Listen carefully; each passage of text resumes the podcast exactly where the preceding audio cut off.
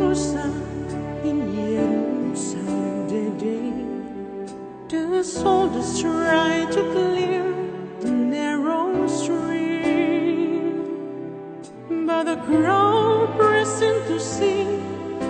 a man condemned to die on Calvary.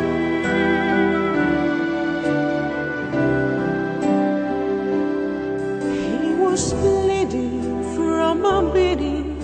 There leather straps upon his back, and he wore a crown of thorns upon his head, and he bore with every step the scorn of those who cried out for me.